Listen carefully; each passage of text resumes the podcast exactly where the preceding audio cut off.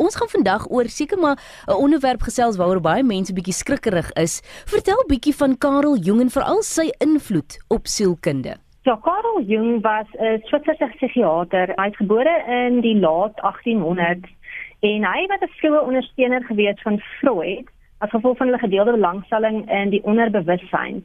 Maar Freud se teorieë was baie gekritiseer as gevolg van sy fokus op seksualiteit en veral kinderlike seksualiteit. So wat Jung gedoen het is hy het wegbeweeg van die seksualiteit af en meer gefokus op die analitiese sielkunde wat hy nou geskep het. So meer gefokus op die siege van die individu.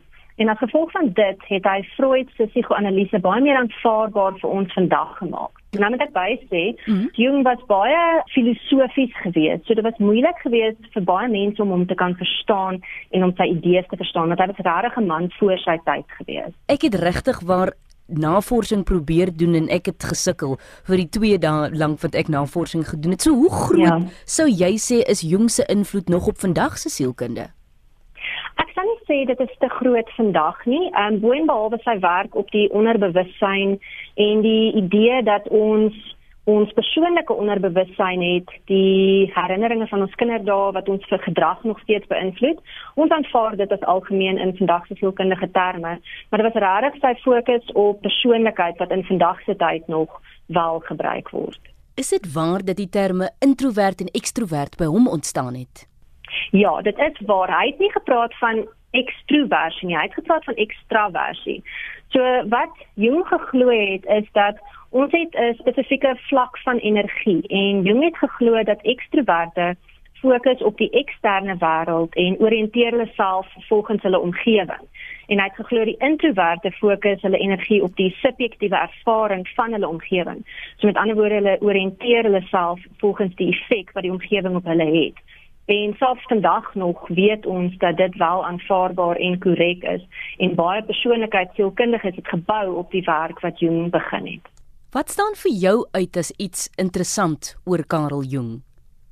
Ek sê baie mense het nie geweet dat hy 'n baie eksentrieke persoon en 'n baie skugter en skaam persoon was nie. Hy het soveel navorsing gedoen oor sy sielkunde want hy was 'n psigiater en oor die mediese veld, maar hy het ook baie navorsing gedoen oor geloof en kulture, en die occult byvoorbeeld. So hy was 'n baie wyd geleese persoon en hy was baie intelligent geweest maar hy wou nie baie van sy kennis, hy wou nie al sy kennis deel met die res van die wêreld nie.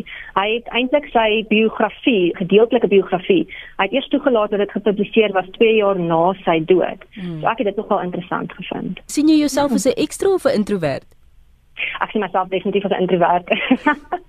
Dit dan Jacomin Miller gasdosent verbonde aan die Universiteit van Pretoria se sielkunde departement. Dankie Jacomin. Dankie Sue. Hier volg argiefmateriaal van Karel Jung wat self verduidelik hoe hy bewus geword het van homself in die ouderdom van 11. That was in my 11th year.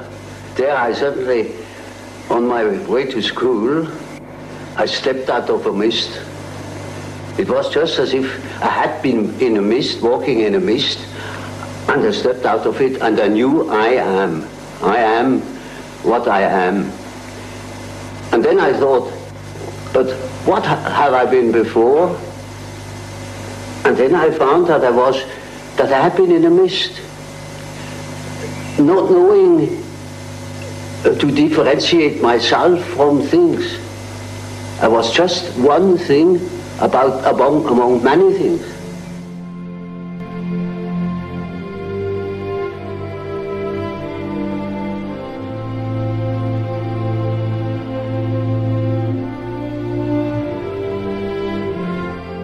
Net soos Freud het Jung drome ook as die beste manier beskou om tot die onderbewussyn deur te dring.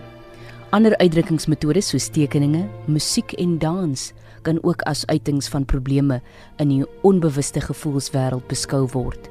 Volgens Jung hoef 'n droom nie net op grond van vrye assosiasie van die dromer vertolk te word nie, maar kan die toehoorder byvoorbeeld die psigoterapeut se assosiasie ook help om die droom te vertolk. 'n Droom moet dus nie net objektief ontleed word nie, maar ook subjektief met die betrokke persoon in gedagte. Karel Gustav Jung is oorlede op 6 Junie 1961.